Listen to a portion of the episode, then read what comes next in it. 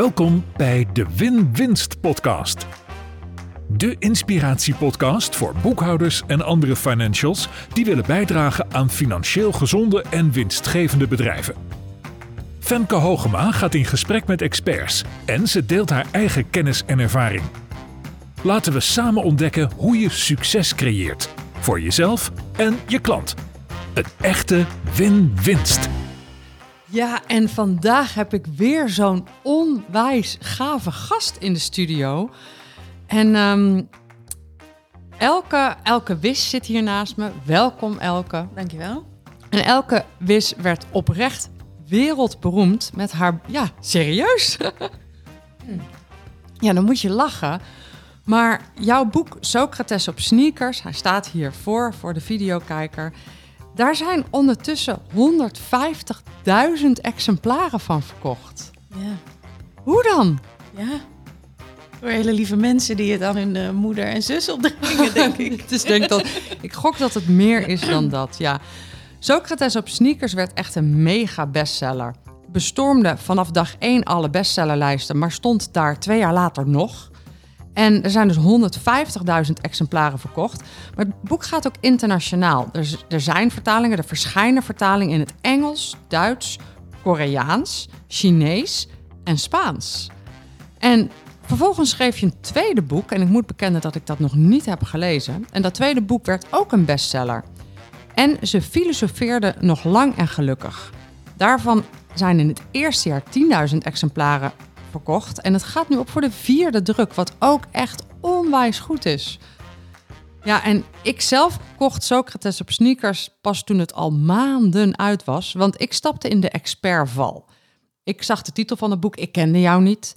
En ik vond in alle eerlijkheid dat ik wel genoeg wist over het stellen van vragen. Maar het bleef langskomen in de vorm van artikelen en interviews en advertenties. En toen ging ik toch overstag. Ik kocht het en ik verslond het boek. Het is onwijs toegankelijk en zo belangrijk. En ook heel erg leuk. Dus dat is een mooie combinatie van factoren. Het is en heel belangrijk en heel leuk en toegankelijk geschreven. En toen had ik het uit en ik weet gewoon nog, ik lag aan het zwembad op een lig, lichtbedje. Heb ik jou geappt, of niet geappt, waarschijnlijk via DM of zo. Um, en ik, ik vroeg jou of je een training kon geven aan mijn Profit First Professionals members op de live dag um, in 2020 in coronatijd. Dus dat was een online live dag. En dat deed je. En zo ontstond er een mooie zakelijke relatie en een vriendschap. Uh, waar ik heel dankbaar voor ben. En nou ja, als kers op de taart zit je vandaag hier. Terug naar jou. Jij studeerde af als regisseur aan de Toneelacademie in Maastricht. Mhm. En je maakte voorstellingen, je schreef stukken en je coachte spelers. En een paar jaar later werd je verliefd op de praktische filosofie. En dat gaat over vragen stellen, analyseren en kritisch denken. Vanuit daar ontstond in 2016 je bedrijf, de Denksmederij, een bureau voor praktische filosofie en creatief denken. En toen je haar boek schreef en dat een bestseller werd, toen is jouw bedrijf echt wel flink gegroeid tot nu een bedrijf met projectleiders, trainers, Ehm, facilitators en je geeft workshops met je team, trainingen en keynotes. En je komt uit het verre, prachtige Drenthe helemaal hierheen. Welkom in de studio. Dankjewel.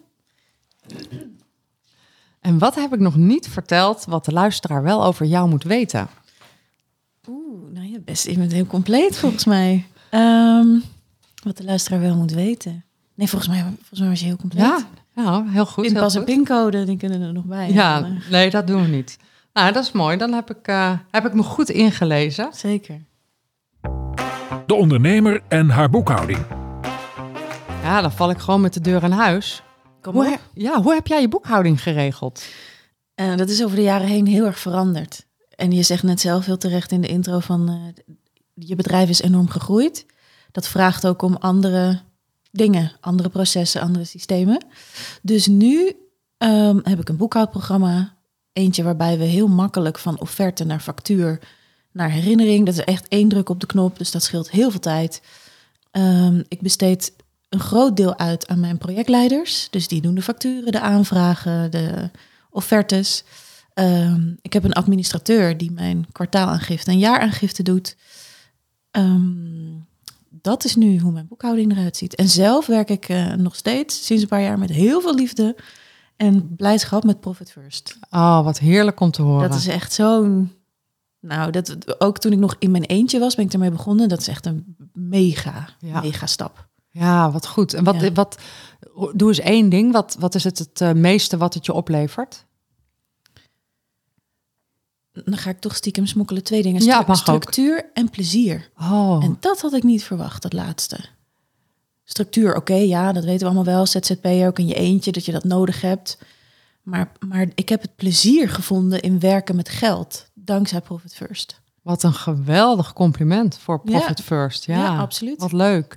En nu je bedrijf groter is, is Profit First daarmee belangrijker geworden? Of heeft het een andere rol gekregen? Ehm, dat, dat wat er al was, namelijk structuur en plezier, maar dan keer drie of zo. Dus je hebt nog meer structuur nodig, want ik moet nu vijf mensen betalen. Ze zijn niet in loondienst, zijn allemaal ZZP'ers, maar goed, het moet wel betaald. Ehm, mijn eigen belastingaangiftes zijn een stuk hoger, anders, complexer. Dus die structuur is veel harder nodig, maar ik heb er ook oprecht plezier in als ik de facturen van mijn trainers betaal. En dat gaat soms om bedragen dat ik denk, zo, daar gaan we dan. Dan ben ik oprecht zo blij dat er iets is buiten mijzelf, namelijk de denksmederij, wat ervoor zorgt dat een paar gezinnen te eten hebben of op vakantie kunnen. Dat vind ik fantastisch. Ja, fantastisch. Ik herken dat. Ik, ik, ik heb dat ook. Dat geeft je ook een gevoel van, ja, een, een soort grote trots. Van, wauw, dit is niet één ding. Hier, hier, ja, hier kunnen ook anderen, letterlijk wat jij zegt, van eten en op Ja. vakantie. En dat is heel mooi. Ja, ja dat is heel ja, mooi. dus ik ben ook nooit. ehm zit, zit ik die facturen te betalen en dan gaat er 2000 euro of iets van mijn rekening naar iemand anders. En dan denk ik nooit, echt nooit. Oeh, Nee. Maar dat is gek. Ja, en dat is natuurlijk ook dankzij dat het geld al bestemd is in de potjes. Precies. Ja, ik heeft- heb daar geen stress van. Nee. Echt niet. Dat is heerlijk. Ja, super. En stuur je op cijfers? Ja, een beetje te weinig. ja, ik, ik heb bij jou de training winstgevende plannen gevolgd. Twee jaar geleden volgens mij. Was ook online. was ook Ja? online toen. Ehm, en dat was mega vet. Want dan heb je een soort jaarplanning van wat ga ik ongeveer doen. Welke omzet komt er dan binnen? Welke kosten horen daarbij? Eh, en dat zou ik eigenlijk wel meer kunnen en mogen doen. Ja, want die heb je toen gedaan. En dat is dus nou ja, een gewetensvraag, maar dus niet iets wat je ieder jaar op dit moment doet. Nee, ik kan wel een soort schets maken. Eh, Ja. Nu is dit jaar ook anders, want Ja. eh, ik werd zwanger. Ja, Dus in één keer is, zijn er heel veel maanden dan ineens tada, zwangerschapsverlof. Dus al had ik een plan gemaakt. En zo is het ook niet bedoeld, weet ik, van je, van je training. Maar ik had daar wel veel aan. Dus ik zou echt meer kunnen sturen op cijfers. Ehm, ik doe het in die zin een beetje zo met een natte vinger... dat ik naar mijn omzetten kijk en denk... Hoe, wat, wat kan ik tweaken? En ik ben er in zoverre ook niet mee bezig dat ik voel... maar we zijn al echt op een hele, hele goede plek. Ja, heerlijk. En, en ik herken dat ook wel. Mijn man vraagt wel eens aan me, maar stuur jij dan op kengetallen? En dan zeg ik altijd, ik heb Profit First. Dat is mijn kengetallen. Dus alleen het hebben van Profit First is natuurlijk ook al sturen. Ja. Ja, en het- ik snapte het verlangen naar groei. En dat, dat heb ik ook. En op een gegeven moment denk ik, nou, ik kan mijn boodschappen doen. Ik kan op vakantie. Ik kan andere mensen blij maken. Eh, ik vind aan Profit First heel mooi. Dankzij dat systeem of die, de manier van denken vind ik nog belangrijker. Gaat er van de denksmederij altijd 10% van de winst naar een goed doel. Ja. Dat zie ik heel vaak stijgen. De ene maand is het iets meer dan de ander. Dat is prima. Ja, dan is het op een gegeven moment ook goed genoeg. ja, prachtig. Mooi. Is geld belangrijk? Ja, uitroepteken. Maar dat zou ik niet altijd zo gezegd hebben. Vertel. Nou, ik, ik denk toen ik begon, je zei net in de intro van eh, je hebt de toneelschool gedaan en daar was geld eigenlijk een beetje hmm, ongemakkelijk, een beetje vies, want je bent kunstenaar. Dus hoezo geld? Eh, dus we wisten niks. Toen we van die school afkwamen, wisten niks. Ehm, dus ik, ik denk als je me tien jaar geleden had gevraagd, vijftien jaar geleden, dat ik een soort sociaal wenselijk, nou, geld maakt niet gelukkig. Eh, ja, je hebt het wel nodig, maar gewoon die hele riedel. Ehm, en het heeft me echt heel veel tijd, moeite, geld, training gekost om mijn denken over geld aan te scherpen en aan te passen. Mooi, en dit zijn natuurlijk ook woorden vanuit jouw vak. Mijn denken over geld aan te scherpen. Dus, dus, dus hoe denk je nu over geld? Ja, je zegt al, het is belangrijk uitroepteken. En Mhm. als je daar wat op uitbreidt. Ehm, nou, dan vind ik de relatie tussen denken en geld heel erg onderbelicht. Ik denk haha, dat de manier waarop je over geld denkt, zonder dat je het doorhebt, heel veel voor je faciliteert of remt eigenlijk. Dus hoe ik nu over geld denk, is dat ik ehm, het belangrijk maak en vind er lol in heb.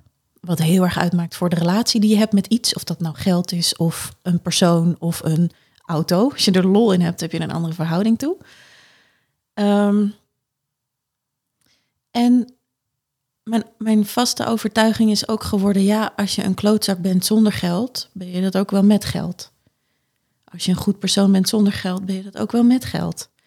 Dus hoe meer mensen met een goed hart veel geld hebben, moet je kijken wat we allemaal kunnen doen in de wereld. Ja, zoals, zoals jij net al zei, 10% van de winst gaat naar een goed doel. Dat is al iets heel concreets. Maar ook je team kunnen betalen.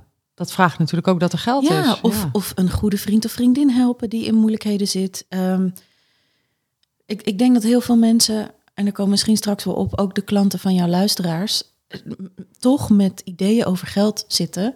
Mensen met heel veel geld zijn klootzakken, die hebben dat over de rug van anderen verdiend.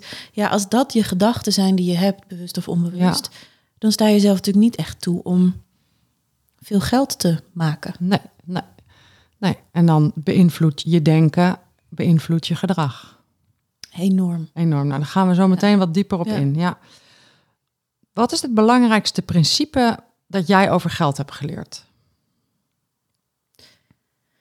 Ehm, dat geld echt energie is. En dat klinkt een beetje wazig, zo bedoel ik hem helemaal niet per se.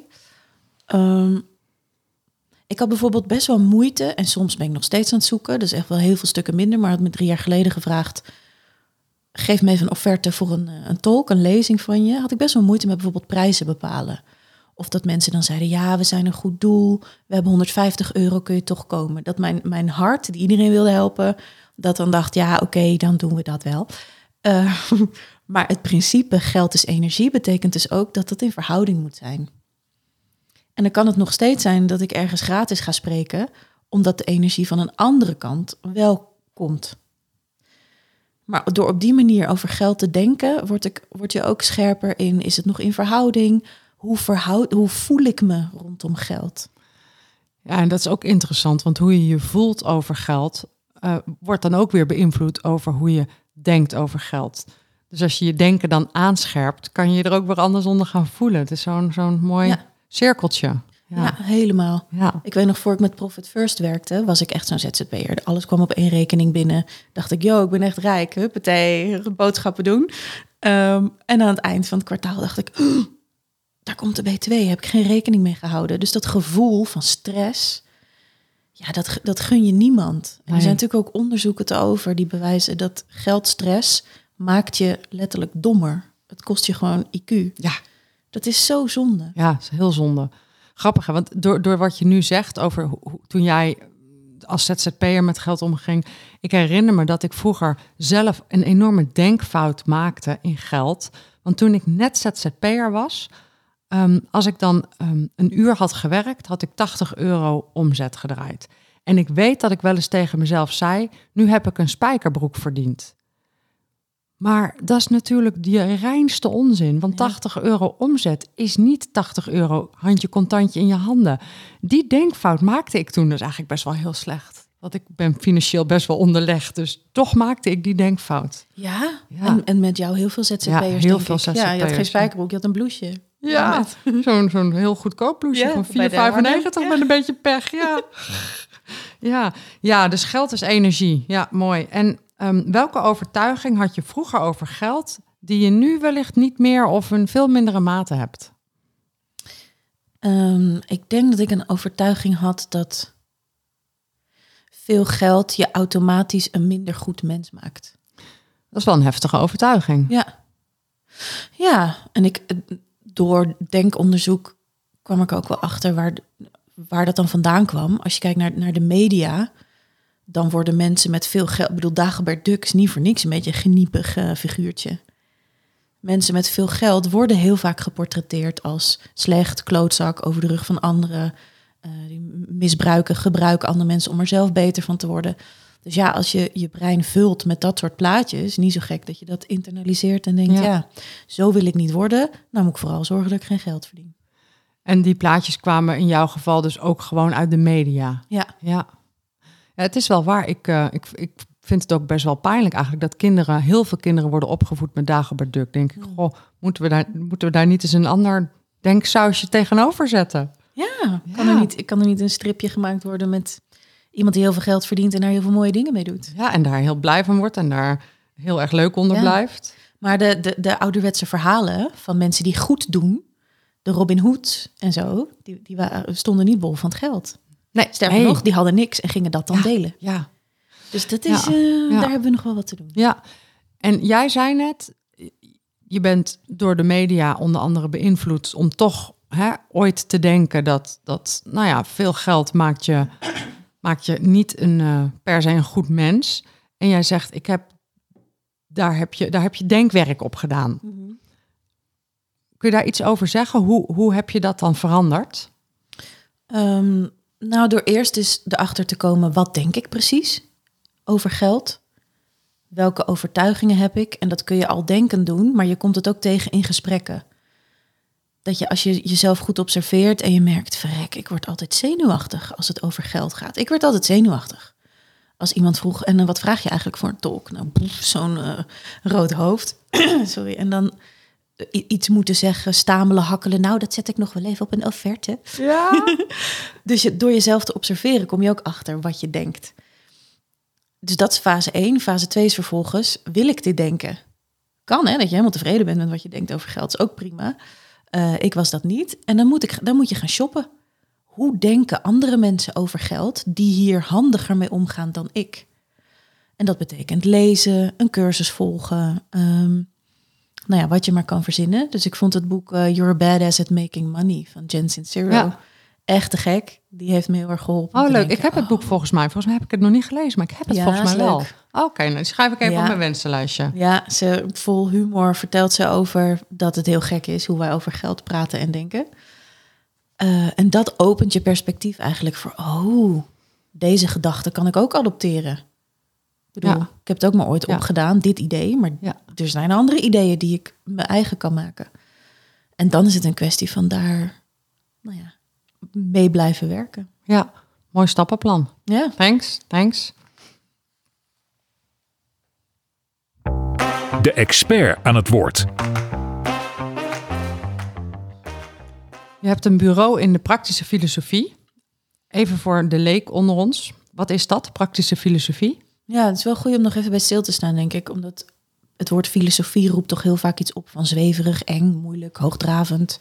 Ja, in mijn geval moeilijk vooral, eh, Ja, we- wetenschappelijk. moeilijk doenerij om niks eigenlijk.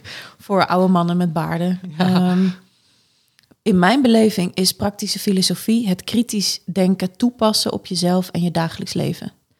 Dus waar filosofen heel goed in zijn, kritisch denken, vragen stellen. Ik heb stiekem het idee dat we dat allemaal wel doen.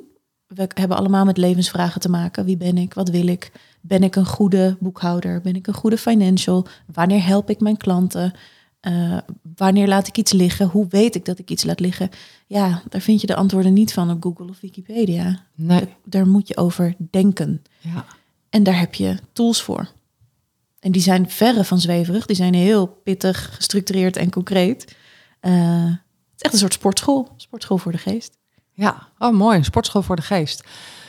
Ehm, ja, en ik denk dat het goed is om het daar dan toch nog iets langer over te hebben. Want het kritisch denken, dat komt in heel veel gesprekken met jou terug. Toen wij voor mijn boek Fundament van Succes hebben we het gehad over wat is eigenlijk denken. En dat heb ik geprobeerd uit te leggen in mijn boek. Wat is kritisch denken?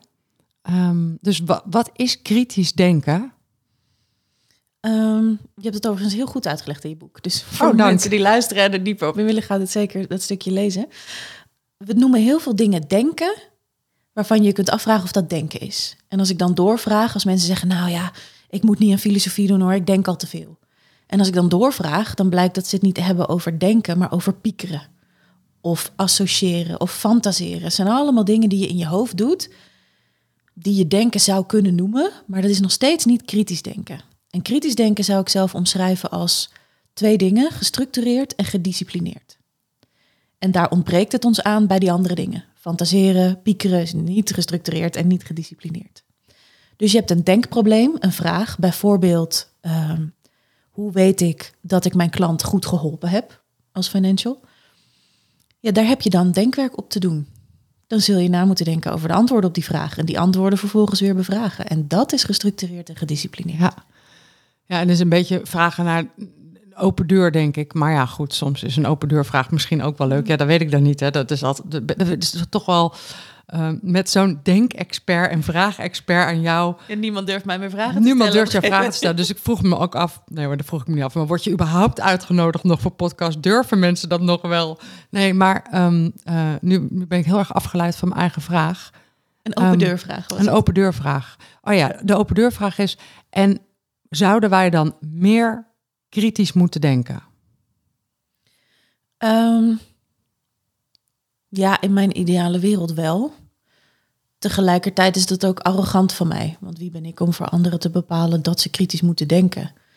Dus voordat, voordat ik het weet, word ik ook een soort prediker. Want het levert mij en de mensen die wij trainen en opleiden heel veel op. Maar ja, je moet het wel willen. Het is zo'nzelfde vraag als: zou, zou iedereen moeten sporten? Ja, in theorie is dat wel handig om te doen. Maar sommige mensen ja. zitten er niet op te wachten. Ja, wie maar zijn wij dan om ze te dwingen? Maar je merkt in jouw trainingen en alles dat het heel veel oplevert. Hè? Dus als we dan toch even aansluiten bij jouw ideale wereld, uh, waarom, wat levert het dan allemaal op? Oh, nou, dan komt wel een lijst hoor, denk ik. Nou, ten eerste, en dat, dat vergeten we vaak, gemoedsrust. Omdat je weet welk levensprobleem, vraag ik tegenkom. Ik heb de tools in mijn rugzak om die gestructureerd en gedisciplineerd door te denken. Um, toevallig loopt er nu een online programma van ons, Filosofietjes heet dat, en één uh, module gaat over dilemma's. Daar hebben we laatst een online uh, live sessie over gehad en daarvan zeiden mensen, ja jeetje, nu pas schrijf ik het dilemma op, analyseer ik het in stapjes en dat zijn soms dilemma's waar mensen al een half jaar mee rondlopen. Zal ik mijn zus aanspreken op die ruzie die we vorig jaar hadden of niet? Wil ik voor mezelf beginnen of blijf ik in loondienst? Um, wil ik vertellen aan mijn familie dat ik gestopt ben met werken of hou ik dat voor mezelf? Dat zijn grote dingen waar je heel onrustig van kan worden. Ja, en als je daar niet over nadenkt, dan, is, dan denk ik dat je dan gaat reageren op emotie. Want je voelt daar iets bij. Zal ik vertellen dat ik gestopt ben met werken? Dat, dat, dat roept een emotie op en daarmee ga je dan aan de haal. Mm. En wat jij ons leert, is om gewoon via de tools die je aanbiedt, daar gestructureerde denkstappen in te zetten. En dat geeft gemoedsrust.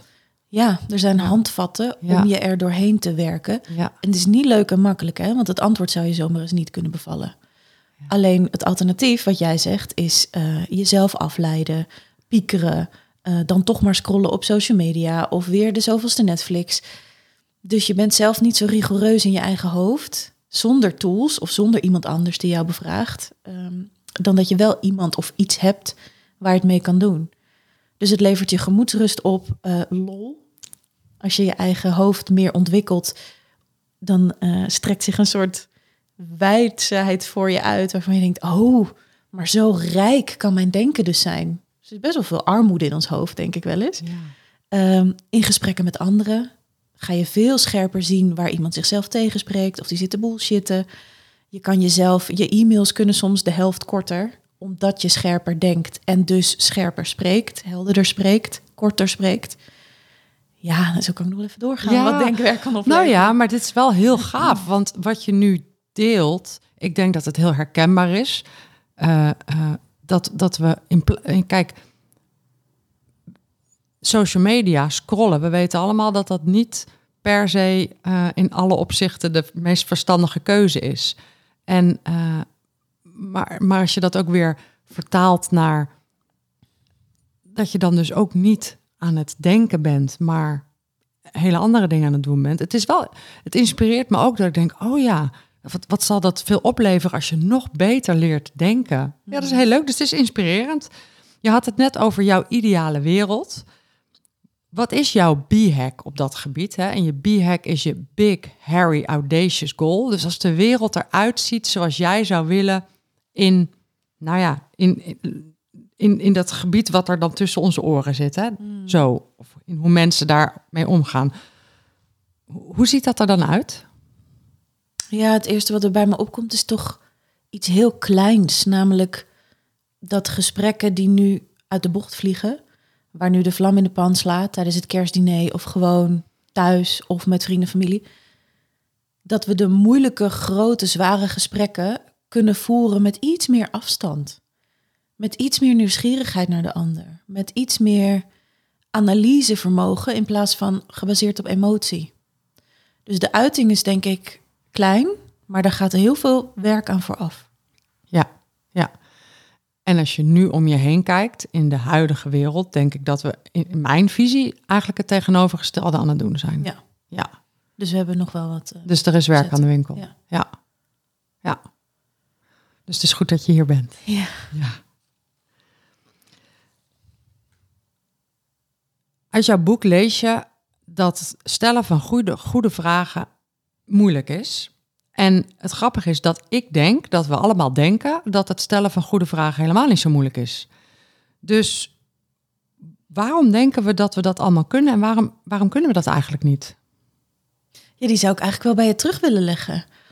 Omdat wat je in de intro vertelde, en dat heb je ook eerder verteld, is dat je eerst dacht, maar ik kan toch wel vragen stellen? Dus waarom, waarom dacht je dat? Ja, ik denk nog steeds dat ik het kan. Maar Zo- nu heb zo- je het boek gelezen zo en werk gedaan. Zo arrogant ben ik dan gewoon wel weer. Nee, ik denk ook oprecht dat ik goede vragen kan stellen. Ik denk wel dat door jouw boek word je wel heel erg met je neus op de feiten gedrukt dat we allemaal ehm, ook soms heel slecht communiceren en heel slecht nadenken en hele slechte vragen stellen. En vragen stellen die geen vraag zijn, maar een mening met een vraagteken erachter. Dus ik ben in die zin opnieuw op scherp gesteld. Maar ik zie het ook in de wereld om me heen. Ehm, ik leer mensen ook om betere vragen te stellen. En ehm, dat zijn vaak professionals, dat zijn vaak experts. En die worden ook wel eens boos als ik suggereer dat we het over iets gaan hebben als communicatie of vragen stellen, want dat kunnen ze al. Dus waar komt dat nou vandaan dat het enerzijds iets is wat, wat, wat we om ons heen zien, wat, we, wat eigenlijk zoveel beter kan? Kijk maar naar de media, kijk maar naar het, het heftige zwart-wit denken en wat dat met zich meebrengt. Ehm, dus het enerzijds zien we dat het veel beter kan en tegelijkertijd denken we allemaal dat we het zelf wel heel goed doen. Ja, dat is apart. Ja, Als ik aan mensen vraag voor een training of eh, workshop of iets, wie vindt zichzelf een goede luisteraar? Denken mensen ook heel vaak. Ja, ik kan wel goed luisteren. Maar binnen twee oefeningen vallen ze door de mand, want we zijn gewoon met z'n allen heel slecht in luisteren. ja, En dat geldt ook voor vragen stellen. Alleen, ik denk dat het een beetje, je weet niet wat je niet weet, verhaal is. Ja. Dus we zijn onbewust onbekwaam. ja, En de veronderstelling is denk ik ook, ja, maar ik stel toch de hele dag door vragen. Dus de veronderstelling is iets wat ik de hele dag door doe, daar ben ik dus goed in. Terwijl we ademen ook de hele dag, maar zijn we ook verrekte slecht in met z'n allen, want dat is veel te oppervlakkig en we zitten te hoog. Alleen daar kom je pas achter als je een, weet ik het, ademworkshop doet. Of iemand hoort die zegt, hé, hey, je, je zit heel hoog en je ademt oppervlakkig. Dan ontdek je dat er een hele wereld beneden je borstbeen zich bevindt, waar je ook iets met adem zou kunnen doen. En zo werkt het denk ik ook met vragen en luisteren. Je weet niet wat je niet weet. ja. Het is wel jammer dat we dan zo arrogant zijn om te denken dat we iets kunnen. Die, dat vind ik ook een beetje apart. Ja, nee, maar ik denk dat het een mooie vergelijking is. Want ademen is ook iets wat je de hele dag door doet. Dus dat kunnen we natuurlijk. En ehm, ehm, ja, dat geldt denk ik in heel veel dingen. Er zijn ook nog steeds mensen die zich niet bewust zijn dat, dat, dat alleen maar gele dingen eten, dat dat niet per se voldoende voedingsmiddelen met zich meebrengt. Ja. Ja, dus, dus, dus dat is, ik denk dat dat, dat, dat dat waar is. Dat we weten ook niet wat we niet weten. En dat er nog zo'n wereld van rijkdom eh, Ja. achter zit. Maar je zegt net, en die triggert me wel, van mensen worden wel eens boos als ik zeg dat we het over communicatie of vragen gaan hebben. Want, denk jij, ze denken, maar dat kan ik toch al. Dat kan ik al daar en dat vind ik wel een heel laag niveau om mij verder op te ontwikkelen. Ja. Dat is dan een reactie. ja, die snap ik. Ik heb zelf als trainer eh, ehm, scholing verzorgd voor eh, accountants, accountants in opleiding. En mijn vakgebied was altijd de soft skills. En daar gingen heel veel trainingsdagen over. Maar er waren inderdaad ook mensen die zeiden, ja, maar dit, dit, doen dit doe ik al. Ja. Dit kan ik al. ja. Ja, dus het is toch een perspectief op... ehm, Ja. Nou ja, en dan is het de uitdaging om op een toegankelijke manier dat toch weer wakker te maken. Wat jij natuurlijk in je boek heel goed doet. Met ook je nieuwsbrieven. Dus sowieso een aanrader voor de luisteraar om je te abonneren op je nieuwsbrieven. Want die zijn ook vaak heel praktisch en super concreet. Dus je hebt daar een van je laatste, nou, zo een paar maanden geleden, een van je laatste nieuwsbrieven, eh, heb je een, een, ehm, een stelling of zo, die je dan eigenlijk uit elkaar trekt. eh, en vervolgens ons eerst ons werk laat doen en vervolgens ook uitlegt wat jij er allemaal uithaalt uit zo'n stelling, welke aannames je daaruit haalt. Toen dacht ik, mijn hemel, hoe tien aannames uit één zin. En dat heeft me ook wel weer wakker gemaakt. Ik dacht, jee, daar ben ik me helemaal niet bewust van dat er in één zin wel tien aannames kunnen zitten. Dat is veel. Dus zo praktisch zijn jouw nieuwsbrieven. Dus dat is wel een aanrader ook. ja, Ja. thanks. Ja, die zijn dan Ja. heel leerzaam. Ja. Ehm, ook op het gebied van communicatie. Boekhouders krijgen heel vaak de tip om empathischer te worden. En ik las een blog met belangrijke competenties in de accountancybranche. En empathie stond op nummer 5 van belangrijke competenties. Dus ik ga hem even voorlezen. Empathie is ontzettend belangrijk om cijfers en resultaten vanuit het perspectief van de klant te kunnen zien. Als er niet vanuit het perspectief van de klant kan worden beoordeeld, dan wordt helpen met, het, eh, dan wordt helpen met problemen van de klant ook een lastige opgave. Een tip om het empathisch vermogen te versterken is door meer vragen te stellen. Door het stellen van meer en betere vragen krijgt u meer inzicht in problemen en uitdagingen van uw klanten. Dus de strekking is, je moet empathischer zijn, zodat je vanuit het perspectief van de klant kan beoordelen. En dan moet je dus vragen stellen. Hoe, hoe, wat vind jij hier nou van als je dit zo hoort? Ehm, ik ben het volledig eens met het eerste stuk voor financials. Empathie is heel belangrijk. En ik, ik denk boekhouders en eh, fiscalisten goed genoeg te kennen dat het daar soms aan ontbreekt. Dat je heel erg vanuit de cijfers, de vaktermen met een ondernemer spreekt. Die vervolgens denkt, oh god, ik weet niet wat je bedoelt. Ik google het straks wel even. Maar dat niet durft te zeggen of die met andere vraagstukken zit dan dat jij denkt dat hij zit. Waar ik het niet zo mee eens ben, is dat er wordt gesuggereerd dat je empathischer wordt door vragen te stellen. Ehm, in mijn boek heb ik het over een fenomeen wat je noemt de empathische nulstand. Omdat ik denk en weet en ervaren heb dat als je scherp wil doorvragen op wat iemand echt dwars zit, dat je dan juist empathie even aan de kant moet schuiven. Want empathie, meevoelen met de ander, zorgt er ook soms voor dat je juist de scherpe vragen niet stelt en inslikt. Want oh, ik kan eens iemand kwetsen of ongemakkelijk maken. Dus daar zou ik zelf andere woorden aan geven. Ehm, maar ik denk wel dat je veel meer vragen kan stellen dan dat je nu doet. En dat er soms verrassende antwoorden op terugkomen. Waar je vervolgens wel empathisch iets mee kan. Als financial. Ja, dus, dus zeg je dan eigenlijk twee dingen. Je zegt ja, ik denk dat empathie belangrijk is, want het zou voor een expert, een financieel expert, heel nuttig zijn om zich meer te verplaatsen in waar komt die klant nou vandaan? Waarom reageert hij zoals hij reageert? Hoe, hoe zou dit voor hem zijn? Dus daar is empathie belangrijk. En je zegt tegelijkertijd, en soms is empathie ook weer niet zo handig, want als je scherp wil vragen, moet je eh, juist niet te veel meevoelen. Dat, is, dat is wat je zegt. Ja. ja, ja. Dus het zijn twee tippen. Wees empathisch en wees minder empathisch. Twee Ja, tips, sorry. Klinkt Ja. een beetje gek, maar dat, eh, volgens mij kan het allebei. ja, het kan allebei. Ja. En misschien ook niet altijd... eh, of nee, laat ik het anders zeggen. Het kan allebei. En waarschijnlijk moet je ook heel bewuste keuzes maken. Wanneer ben ik empathisch en wanneer liever even niet. Zeker. Ja. En, dat en is... die schakel, die volumeknop hebben, ja, dat is goud. Ja. Alleen als je hem niet hebt, kun je hem ook niet gebruiken. En dan doe je het altijd met wat je reflexmatig toch al deed. Ja, ja. Ja, dus ik hoop dat de... Ik ver- vermoed dat iedereen, inclusief ikzelf, nu weer denkt... oh ja, er is nog zoveel te leren. En er is nog zoveel te groeien en te ontwikkelen. Wij mailen wat af, jij en ik. Over fundament van succes hebben we... Ja. Het grappige is, ik heb heel veel mensen geïnterviewd voor het boek... Maar het stuk wat ik met jou heb geschreven is via de mail ontstaan. Dat is eigenlijk ook heel leuk. Maar ook in, uh, in aanleiding van deze podcast hebben we gemaild. En jij mailde mij over zelfreflectie. Jij mailde... Effectieve zelfreflectie is voor ondernemers heel belangrijk, maar o zo moeilijk. Nou, vertel, wat is allereerst, wat is dat effectieve zelfreflectie? Ja, dan komen we op een onderwerp waar ik heel uh, gepassioneerd over ben, omdat het heel belangrijk is en heel moeilijk.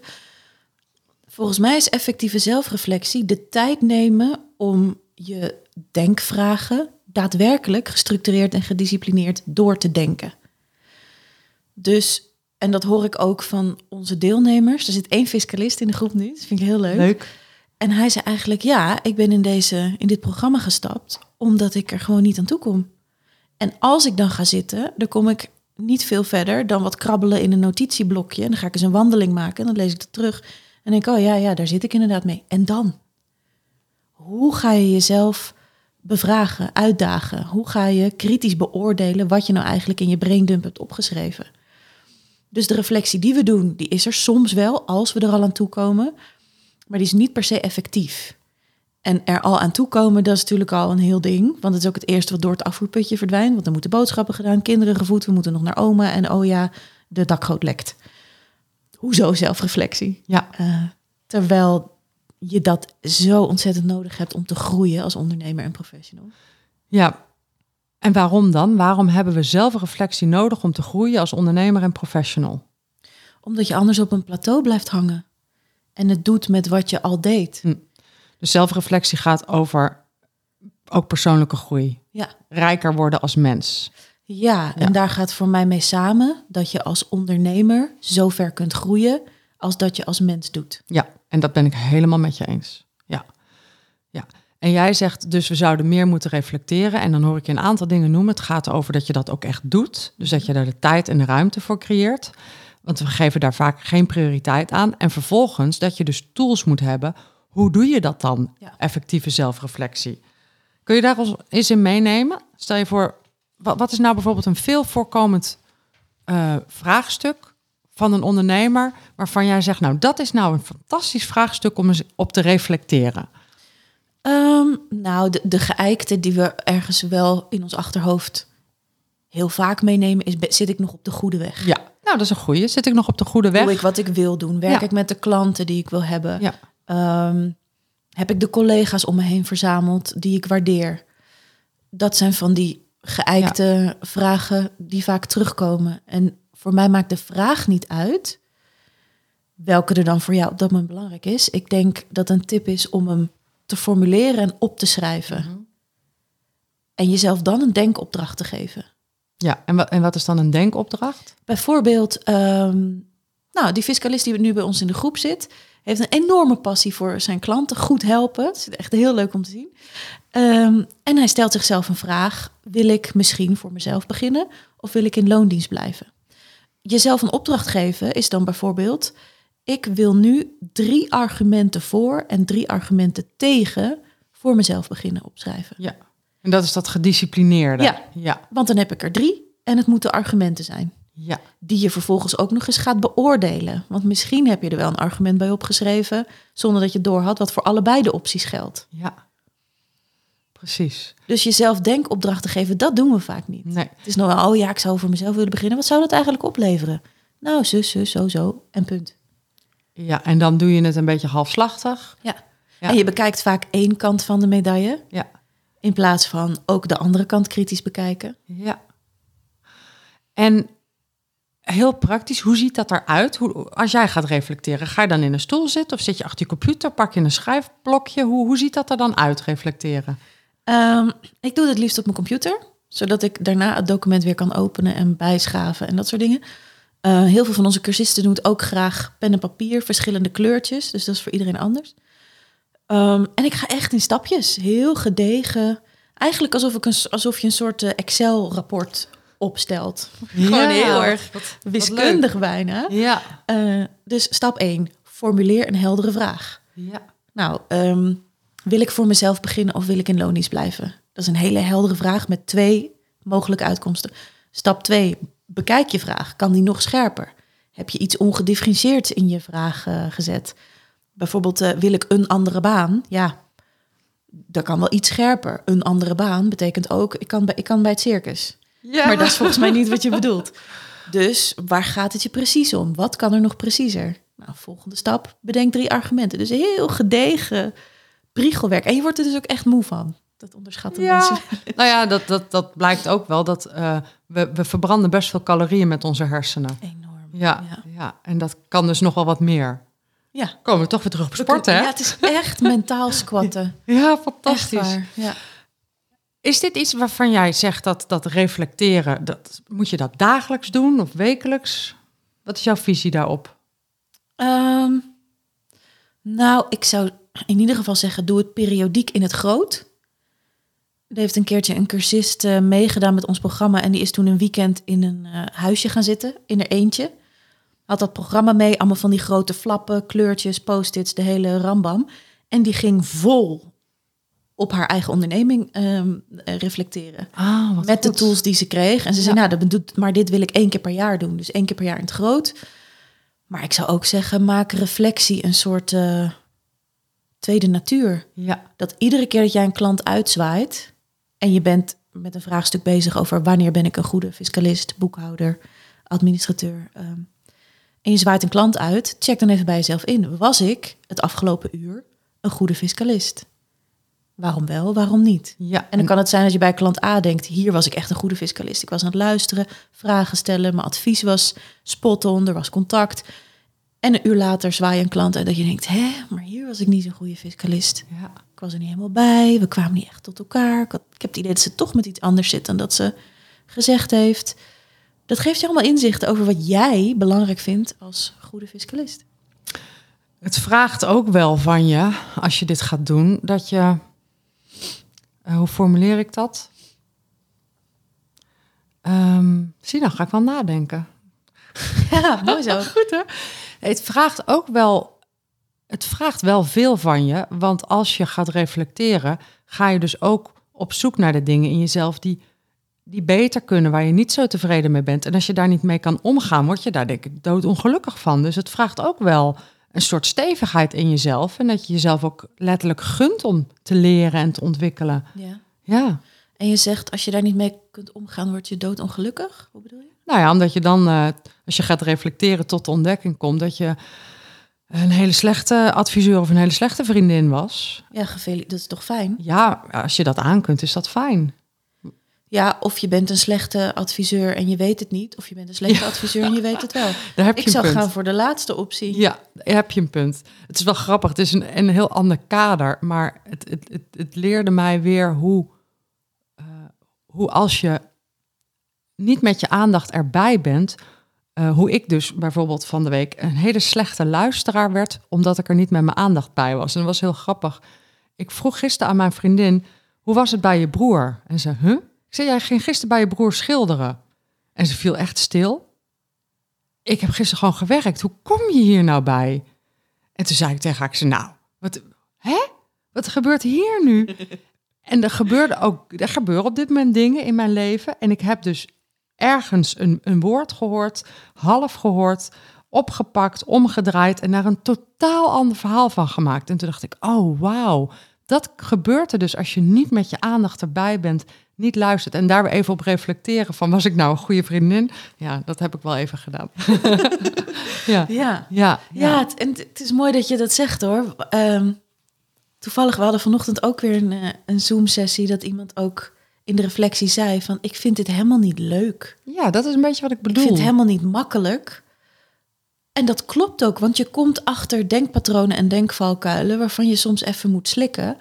Maar, zegt iedereen, ik weet het liever wel dan niet. Nou ja, dat is natuurlijk heel terecht En- van jou. Ja, De Femke, dat weet jij ook. Je weet het al. ja. Alleen je hebt het nog nooit zo helder voor je snuffert gekregen. Ja. Dus je weet het ergens wel op de achtergrond. Maar nu staat het je zo eh, Ja. in, in de bek te kijken... dat je er niet meer omheen kan. Nou, dat is fijn. Daar kun je Nee, maar mee. dat is ook heel terecht. Ben je liever een, een slechte adviseur en weet je het niet? Of ben je liever een slechte adviseur en weet je het wel? Daar, daar sla je natuurlijk de spijker op zijn kop. Dat is gewoon heel helder. Ja. Je mailde ook, ik denk de laatste tijd veel na over hoe en waarom ondernemers zichzelf en hun eigen groei soms onbewust, bewu- nou, soms onbewust belemmeren met onhandig denken. Waarom gaat de ene ondernemer als een speer en blijft de andere ondernemer aanrommelen? En toen zei je wat en vooral hoe je denkt speelt daar een enorme rol in.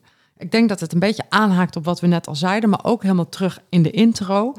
Ehm, ja, dus wat bedoel je daarmee? Dat ik ehm, heel veel ondernemers om me heen zie die niet doorhebben dat wat ze denken en hoe ze denken hun ellende veroorzaken. Dus ze kijken van naar de symptomen. Ik heb geen klanten, ik heb te weinig omzet, ik heb wel klanten, maar het zijn allemaal eikels.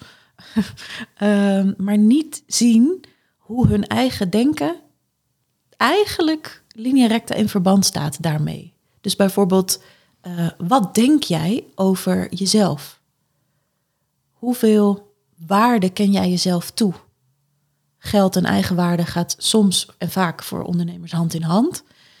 Hoe jij over jezelf en je eigenwaarde denkt, bepaalt uiteindelijk heel vaak hoeveel omzet je maakt. Ja, en wat zijn dan, wa- waarom dan? Wat zijn dan de tussenstappen? Want als ik over mezelf denk, ehm, nou, dat, dat ik het. Hè, nou, je had het net over het geven van een keynote. Als ik over mezelf denk dat mijn keynote 150 euro waard is, eh, dan is de kans natuurlijk niet heel dat ik er ehm, eh, 15.000 euro voor krijg. Wat, wat zijn daar de. Hoe komt dat? Wat zijn de tussenstappen? De tussenstappen tussen Tu- wat tuss- en wat? tussen, tussen wat ik denk en wat er uiteindelijk het eh, gebeurt. Ja, Ehm, ik pak even een concreet voorbeeld hoor. Wat Ja. je volgens mij best wel ziet in het land van eh, coaches of lichtwerkers of mensen die nou, heel holistisch werken. Die denken vaak, ik mag hier geen geld voor vragen. Want ik moet mensen helpen. En om daar, eh, of bijvoorbeeld als je rouwcoach bent. Iemand zit in de rouw, eh, is hartstikke verdrietig dan kan er soms een drempel zijn om daar geld voor te vragen. Want iemand zit al in de ellende en dan moet hij jou ook nog eens betalen. Op het moment dat je dat denkt, is de volgende stap... nou, dan hou ik het voor iedereen betaalbaar. En dan hou ik mijn prijzen laag. Ga ik voor twee tientjes eh, iemand helpen in zijn rouwproces, zijn of haar rouwproces. Ehm, met als gevolg dat je aan het eind van de maand denkt... ja, en nu moet de hypotheek betaald. Ja, ja. En zo leidt, ik mag hier geen geld voor vragen, want het is niet ethisch... Ja. tot, oeps, de hypotheek. Ja. ook nog. Ja, dus jij en, en dus wat jij zegt is en er zijn je ziet in je omgeving, je ziet ondernemers die dus door dat onhandige denken hun eigen groei belemmeren. Ja, en geld is een hele concrete, maar het gaat bijvoorbeeld ook over klanten. Mhm. Eh, iemand die ik ken, die is, eh, wilde een eigen coachpraktijk beginnen en die dacht, als ik me eenmaal ingeschreven heb bij de KVK en ik heb visitekaartjes, dan komen de klanten. Als dat je aanname is en dat gebeurt dan niet, ja, dan voel je je best wel rottig. Met een beetje pech denk je ook nog, geen klanten zegt iets over mijn waarde als coach. Of nog een stapje erger, mijn waarde als mens. Ja, en dat is natuurlijk één shitshow van ideeën en gedachten die je niet helpen om je eigen toko goed aan te pakken. Ja, ja. En wat ik ook in Fundament van Succes schrijf, en wat we net eigenlijk ook al zeiden, het succes van je bedrijf, maar zelfs je leven, je vriendschappen, eh, hoeveel plezier je in de dingen doet, dat doe je dus voor een heel groot deel eerst tussen je oren, Ja. voordat het in de echte wereld wordt neergezet. Ja, en als ik daar nog één klein ding op me toevo- toevoegen, want je zei van eh, wat je denkt doet ertoe, maar ook hoe je denkt. Ja. Als jij denkpatronen hebt waarbij je jezelf eigenlijk steeds weer in een slachtofferrol denkt, ja, dan iedereen weet dat dat levert niet zoveel op. Ja, de, de gedachte, dit heb ik weer. ja. Moet mij ook altijd Ja, overkomen. ik heb me toch ingeschreven bij de KVK, dat was al heldhaftig genoeg. Eh, dus heb ik nu ook recht op klanten. Ja. Ja, dus waar denk je recht op te hebben van anderen? Waar denk je... ja. eh, en hoe je één ding bedenkt, bedenk je heel veel dingen. ja. Als je in je relatie vaak de slachtofferrol pakt, is dat als ondernemer ook snel zo. ja. Dus hoe je denkt doet ertoe en wat je Ja. denkt.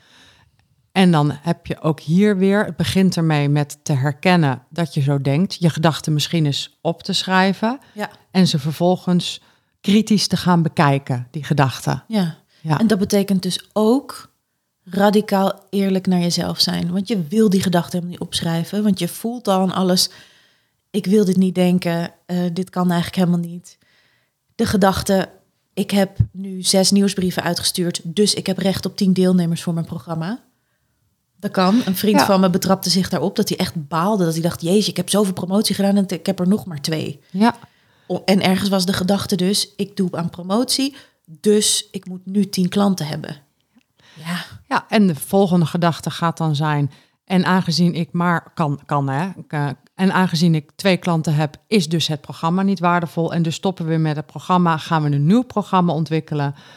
En als je het dan Ja. hebt over het belemmeren van je eigen succes door onhandig denken, dan denk ik dat iedereen snapt dat je daar heel makkelijk door je eigen denken jezelf aan alle kanten in de weg zit. Zeker. Ja, ja. En dat fascineert me dus. Ja, Sommige ondernemers gaan als een speer.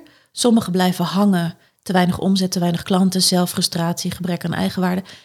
En, en mijn hypothese is echt dat dat heel erg gaat over hoe denk je en wat denk je. ja. En één stap daarin is, heb je eigenlijk net al gegeven. Dat is, ga nou eens kritisch naar je eigen gedachten kijken. Ehm, en, maar ik hoor je ook zeggen, en daar zijn tools in en daar zijn structuren in. En da- daar, daar willen, moeten we dus eigenlijk gewoon in leren. Ja, want we leerling niet worden. mee op school. Nee, nee. nee. Er zijn geen lessen, eh, jezelf kritisch bevragen, Socratische vaardigheden op de basisschool te Ja, vinden. want zijn dit Socratische vaardigheden? Ja, kritisch denkvaardigheden. kritisch te- En, en, dat, en dat is wat jij je klanten leert. Dat is Ja. in een cursus als filosofietjes. eh, Ja. Dat is wat jij je klanten leert. Om dit soort vraagstukken onder de loep te nemen en kritisch te leren denken. Ja, Ja, en dan ongeacht het vraagstuk. ja, ja. Ja, en, en we hebben het nu over de grotere dingen als ik krijg geen klanten, eh, mijn cursus loopt niet, ik heb geen leuke klanten. Maar als je even doordenkt, dan gaat dit de hele dag door in je hoofd. En heb je iedere dag heel veel gedachten die je belemmeren in het behalen van je doelen of in blij zijn. Ja. ja dus, dus, ja, dus eigenlijk moeten we allemaal gewoon hiermee stevig aan de bak. Nou, ik, gun- ik ja, het is een beetje predikerachtig, maar ik, ik gun het mensen wel. eh, omdat het je zoveel lucht oplevert. En Ja. ontspanning ook. Ja. En het maakt je ook milder naar jezelf. En naar anderen. Hoe maakt het je milder naar jezelf? Ehm, nou, als jij je realiseert dat wat je denkt en hoe je denkt... heel erg te maken heeft met jouw perfectionisme... dan kun je daar wat mee. Ja. Dan blijf je niet drie uur lang op één mailtje of één rapport. Nee. dan kun je jezelf herprogrammeren om Ja. te denken, hé, hey, dit is het nu. Bijvoorbeeld Socrates op sneakers. Als ik er nu doorheen lees, denk ik heel vaak, oh, wat een goed boek. en ik denk ook heel vaak, goh, dat zou ik nu alweer anders opschrijven. Ja. En daar kan je mild naar zijn. Hartstikke. Ja. Omdat het, is natuurlijk van de zotte dat wij maar zouden bedenken, ehm, ik moet de kernwaarden, de opvattingen, de meningen die ik heb, die mogen niet veranderen. Die moeten stevig zijn en die moeten blijven staan. Dat vind ik zo raar. De natuur doet het toch ook niet zo? Ieder jaar laten de bomen hun blaadjes vallen. Het is toch veel logischer als wij zien dat we een altijd eeuwig work in progress zijn. En dat je denken dus ook verandert. En dat wat je op maandag denkt iets heel anders kan zijn dan donderdag. En Ja. wat in 2020 belangrijk voor je was, is dat in 2023 misschien helemaal niet meer. Ja, en dat er nooit een moment komt dat het af is. Nee, precies. Nee.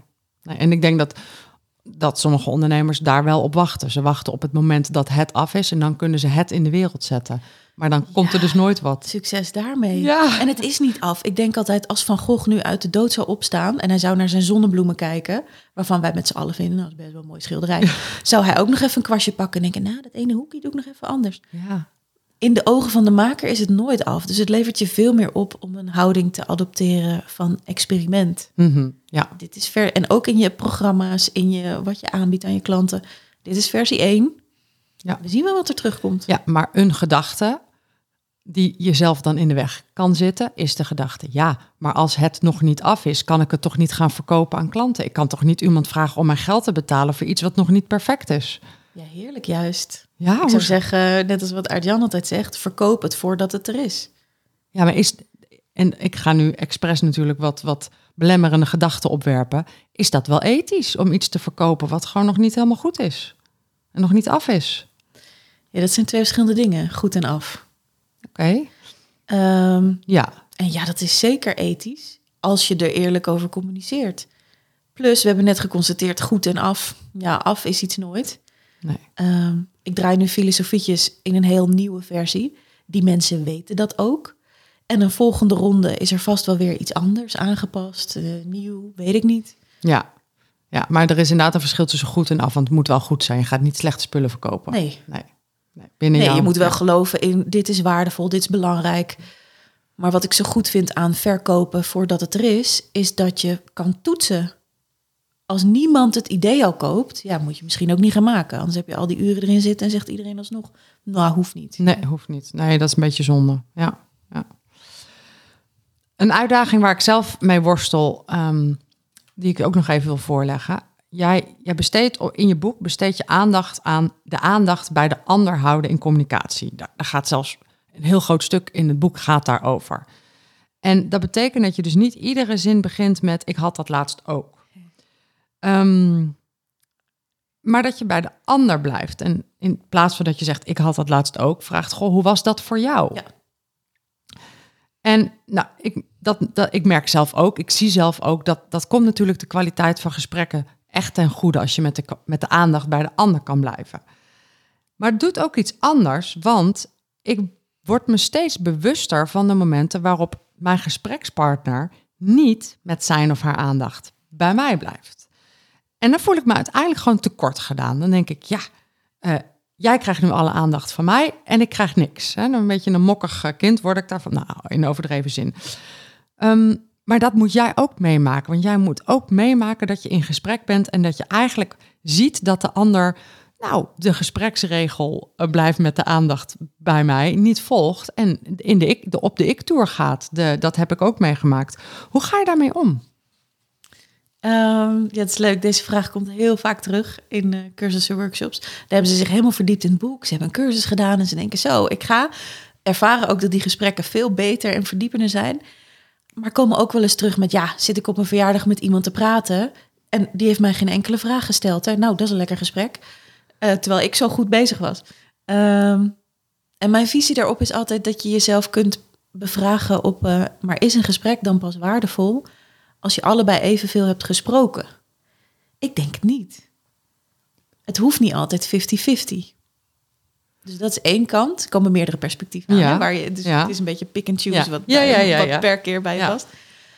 Ehm, ik heb soms de meest fantastische gesprekken met mensen die mij geen enkele vraag stellen. Omdat ik iets leer over een denkstructuur die ik totaal niet ken. Mensen vragen me- wel eens aan me van... ja, maar jij gaat toch niet een Socra je wilt toch niet een Socratisch gesprek voeren met eh, eh, een IS-strijder... of met Donald Trump of zo? Daar zou je toch niet... En ik denk, ja, juist. Die denkt zo anders dan ik. Weet je hoeveel ik daarvan kan leren? En die hoeft mij geen enkele vraag te stellen hoor. Sterker nog, liever niet. Want ik weet wel wat ik... maar ik wil jou Ja, denken ja. leren kennen. Ja, ja. Dus dat is één kant. Ja. Ehm, en ik moet een beetje glimlachen als je zegt, ja, eh, dan voel ik me tekort gedaan. Dan ben je dus al niet meer met je aandacht bij de ander. Nee, dat Maar klopt. bij je eigen tekortgedaanheid. Ja. Van ja, maar jij zou mij nu ook iets moeten vragen, hoor. Ja, dat, dat, daar ben ik heel eerlijk in. Dat, dat, die, dat gevoel heb, kan ik hebben, ja. Ja, Ja. dus de aandacht is dan naar jou en Ja. niet meer bij de ander. Nee, Dat is, klopt. dat is niet erg. nee maar dan kan je ook niet meer volhouden dat je aandacht zo goed daar was. Ja, klopt. Ehm, heb je een punt. En soms, en dat heb ik ook wel met bepaalde mensen. ehm, het maakt wel uit of je in een dialoog zit waarbij iemand jouw vraag hoort, mee wil, zorgvuldig is, of in het wilde weg gewoon kan ouwehoeren en het eigenlijk niet uitmaakt wie er tegenover diegene zit. Mijn oma bijvoorbeeld, die is 94, het is te vergeven, ze is hartstikke lief. Maar ik weet, als ik haar een vraag stel, hoe was je week? Dan komt er een verhaal en het maakt eigenlijk niet uit of ik stiekem van plaats ruil met iemand anders. Ze hoort gewoon door. En ze heeft dit verhaal gisteren ook al verteld aan de buurvrouw. Dan denk ik altijd, ja, dan ga ik ook niet zo heel hard zitten werken. Nee. Dan is het gewoon, eh, let's go, kom maar op. Ja. Dus je, je, je kan en mag ook, vind ik, eh, soms beslissen, het is wel goed zo. Ja. Ik ga nog een drankje halen bij de bar. Wil je ook nog wat? Ja. Nee? Oké, doei. Ja. Dus wat ik jou hoor zeggen is een aantal dingen. Er kan een, het, het hoeft niet 50-50 verdeeld te zijn. Ehm, en een goed gesprek vraagt wel een bepaalde mate van een dialoog. Dat er wel, Commitment bij jou en Ja. bij het onderwerp. ja, Maar dat staat voor mij los van ja, hoeveel vragen krijg ik terug. ja. Ja, en dat is wel een hele andere manier. Dat is wel een wat genuanceerder beeld, inderdaad. Want je kunt. Het is ook wel mooi hoe je dat in je boek beschrijft. Ehm, een dialoog is iets anders als twee monologen. Ja. Ja. En, en ik denk dat, dat we dat ook allemaal herkennen. Want twee monologen, dat zijn twee losse gesprekken die toevallig in afwisseling gevoerd worden. Maar dat is geen dialoog. Ik had het laatst met mijn moeder en mijn zusje. De een zei, eh, goh, ik vind het zo lekker om af en toe naar de McDonald's te gaan. Kan ik echt gen- van genieten. Oh nee, ik vind de McDonald's helemaal niks. Nee, dat doe mij maar dan liever eh, de Burger King. Die heeft net iets meer zus en zo. Nou, de Burger King. En dat zijn eigenlijk gewoon twee monoloogjes. Ja, die je naast elkaar legt. Ja, maar het is niet echt een gesprek. dan. Nee. Want wat, wat maakt het dan wel een gesprek? Wat zijn dan de soort van de ingrediënten van een gesprek? Van een dialoog? Van een goed gesprek? Ehm, nou, dat je verdiept in plaats van verbreedt. Mhm. Eh, of alleen maar jouw eigen voorkeurtjes, meninkjes, opinietjes daarnaast legt. Dat is niet zo interessant. Ehm, maar dat ik aan jou vraag. Goh, wat, wat vind je zo leuk aan de McDonald's? Voor mijn part. Even een heel plat voorbeeld. Nou, dan kan ik echt genieten van voor zo'n scherm staan en dan alles eh, zoeken. En zelfs daar, op zo'n klein, futiel, rot onderwerpje, kun je iets te leren komen over iemand zijn zijn, zijn voorkeuren, zijn, hoe die daar staat. Wat maakt dat je het zo leuk vindt om zo uit, uit al die dingen te kiezen? Nou, dan heb ik het gevoel dat ik, eh, dat ik autonoom ben. Dat ik mijn eigen geld verdien. Dat ik denk, en nu ga ik naar de McDonald's ook. Dus dan weet ik iets over de verhouding tussen jezelf en autonomie. Vanuit een simpel voorbeeld. Ja, vanuit een heel simpel voorbeeld. En dan gaat het erover. Dan gaat het dus over die oprechte aandacht. ja. Het, het willen snappen waar de ander vandaan komt. Een stukje dieper gaan op een uitspraak. Onderzoeken wat zit daaronder. Dat, dat, dat is. Ja, en echt een nieuwsgierigheid van, hey, hoe, wie ben jij als mens? Hoe zit dat? En Ja. dan maakt het echt niet uit welke ingang je hebt. Het kan iets heel groot zijn over Ja. de dood of het leven, of iets heel kleins over de McDonald's. Ja, Maar de reflex is vaak, oh nee, dat zie ik heel anders. Oh Ja. nee, dat heb ik helemaal niet. Ja. Ja. Ja. ja. ja, en ik noem het altijd: dan ga je pingpongen. Ja. Ja, dan gaat dat balletje, dat vliegt van de tafel. En dan pakken we een nieuw balletje. Ja. Ja. ook leuk, maar, maar niet zo voedend. Nee, dat is niet voedend. Nee, nee. En meer voedende gesprekken. Dat is. Nou, dat vind ik zo grappig. Dat, dat bijna alle mensen die wij spreken zeggen, ik wil hier meer van. Ik mis verbinding, verdieping, voedende gesprekken. En ik weet niet hoe ik er kom. Ja. Want dat. Die voedende, verbindende gesprekken. Dat maakt ons. Dat, dat voedt ons letterlijk. Daarom ook voedend. Ja, ja, mooi. De adviezen voor de financial.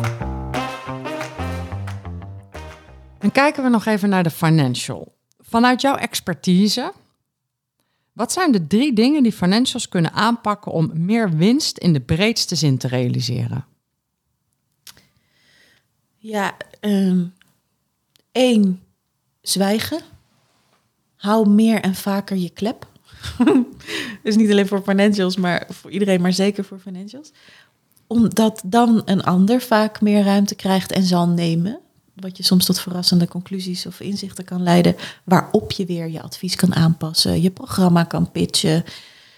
Hou vaker je mond. Mhm. Ehm, de tweede zou denk ik zijn.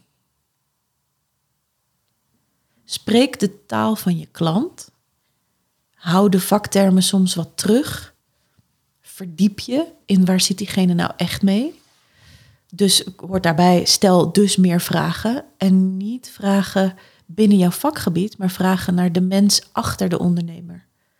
Wat drijft hem? We hebben het de hele tijd gehad over hoe je persoonlijk denkt bepaalt ook hoe je in je onderneming staat. Vraag dus juist naar dat persoonlijke denken.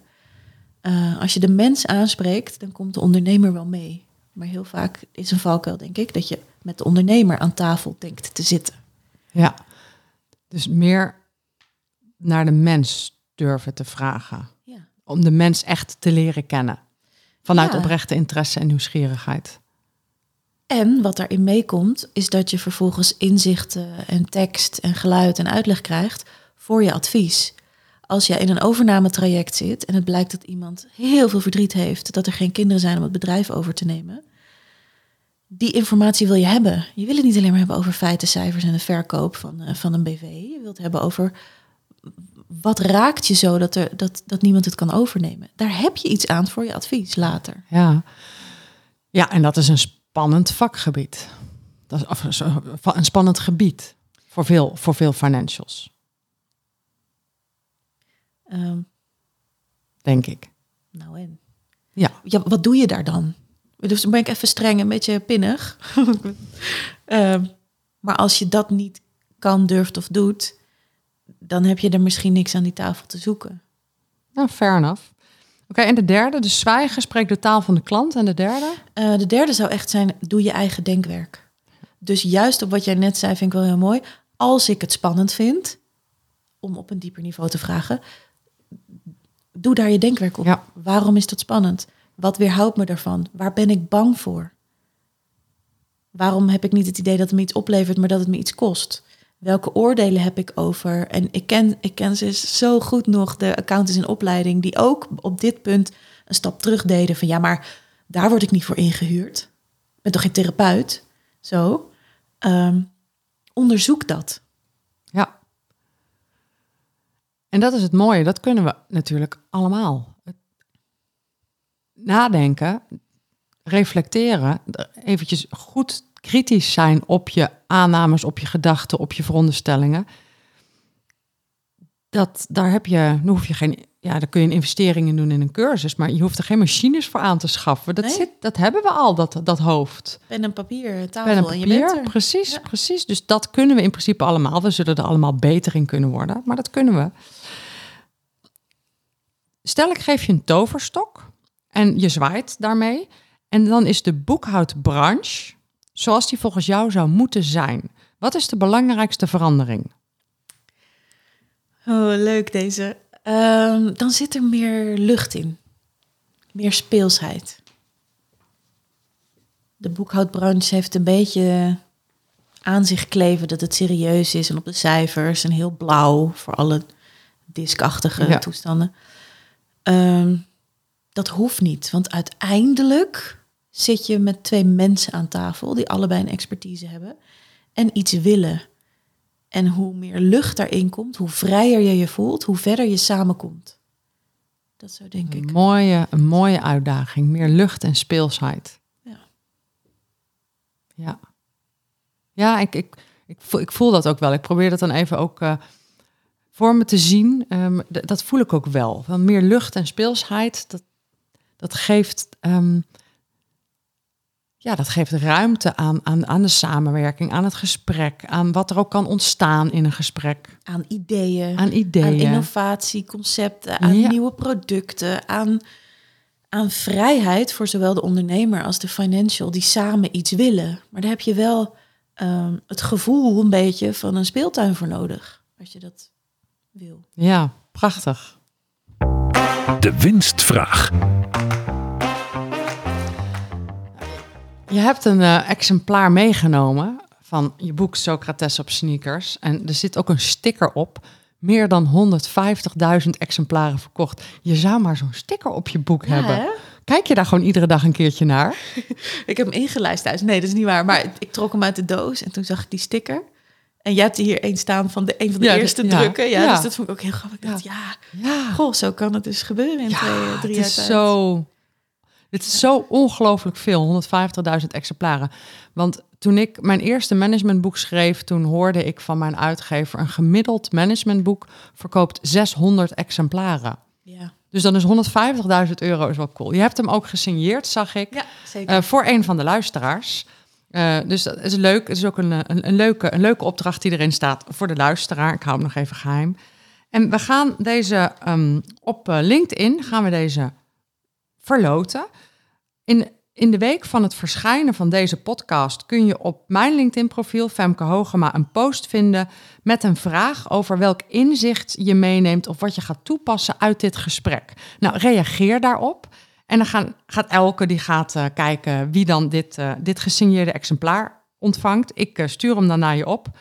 Um, dus ja, dat is hartstikke leuk voor de, voor de, voor de luisteraar. Ja, dus dank daarvoor. Dank voor het meenemen van dit gesigneerde boek. Um, ben ik nog iets vergeten te vragen aan jou? Oeh. Nee, volgens mij hebben we heel veel gecoverd wel. Um... Ben je iets vergeten te vragen? Nou, nee, niet vergeten te vragen, maar wel nog een ding.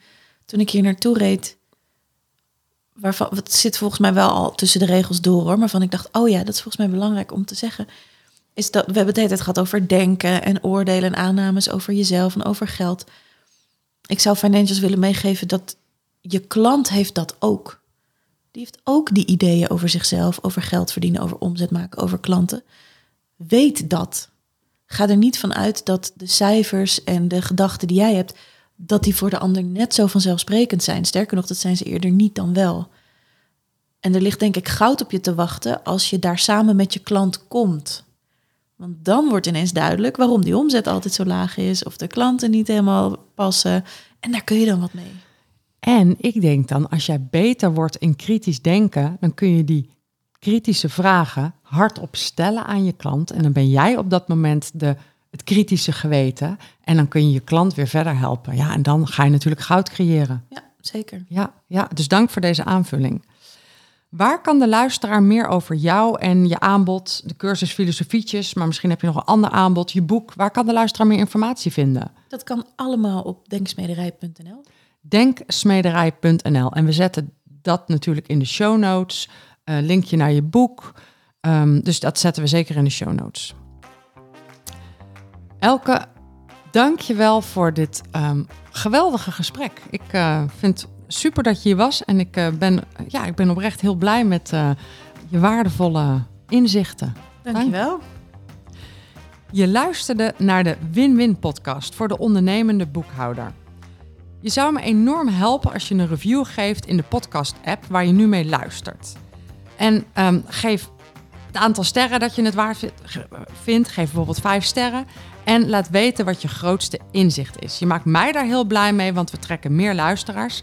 En tegelijkertijd hebben meer mensen baat bij de inzichten van sprekers zoals Elke of een van de andere sprekers. Heel graag tot volgende week op woensdag Win-Winsdag.